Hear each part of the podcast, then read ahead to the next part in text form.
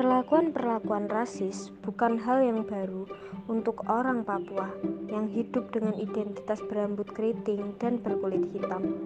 Ujaran kebencian dan rasis tersebut sudah sering dilontarkan terhadap orang Papua, baik itu kalangan masyarakat biasa, atlet, mahasiswa, pelajar, guru, dosen, maupun pejabat negara yang identitasnya jelas berkulit hitam dan berambut keriting dari Papua. Berbagai macam lontaran kata yang menyinggung perasaan orang Papua sudah sering disampaikan dengan sengaja ataupun tidak sengaja.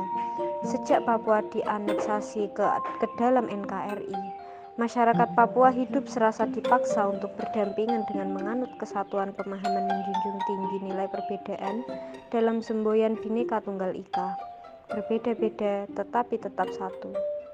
Sekarang yang perlu dipertanyakan yaitu Apakah Bhinneka Tunggal Ika hanya digunakan sebagai alat kepentingan elit-elit politik, pejabat, atau pemerintah saja?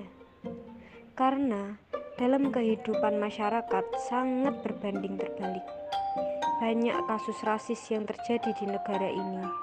Dengan begitu, timbul pertanyaan apakah pemerintah yang gagal membangun persatuan negara ataukah ada kekeliruan dalam perumusan ideologi negara atau mungkin masyarakat yang kurang mempelajari pendidikan keluarga negaraan, maka tidak dapat menerima keberagaman.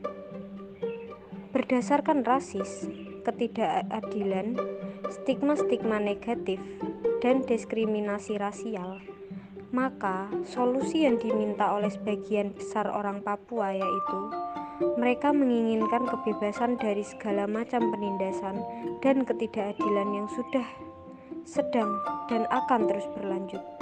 Yang diminta adalah referendum. Referendum sebagai solusi jalan damai.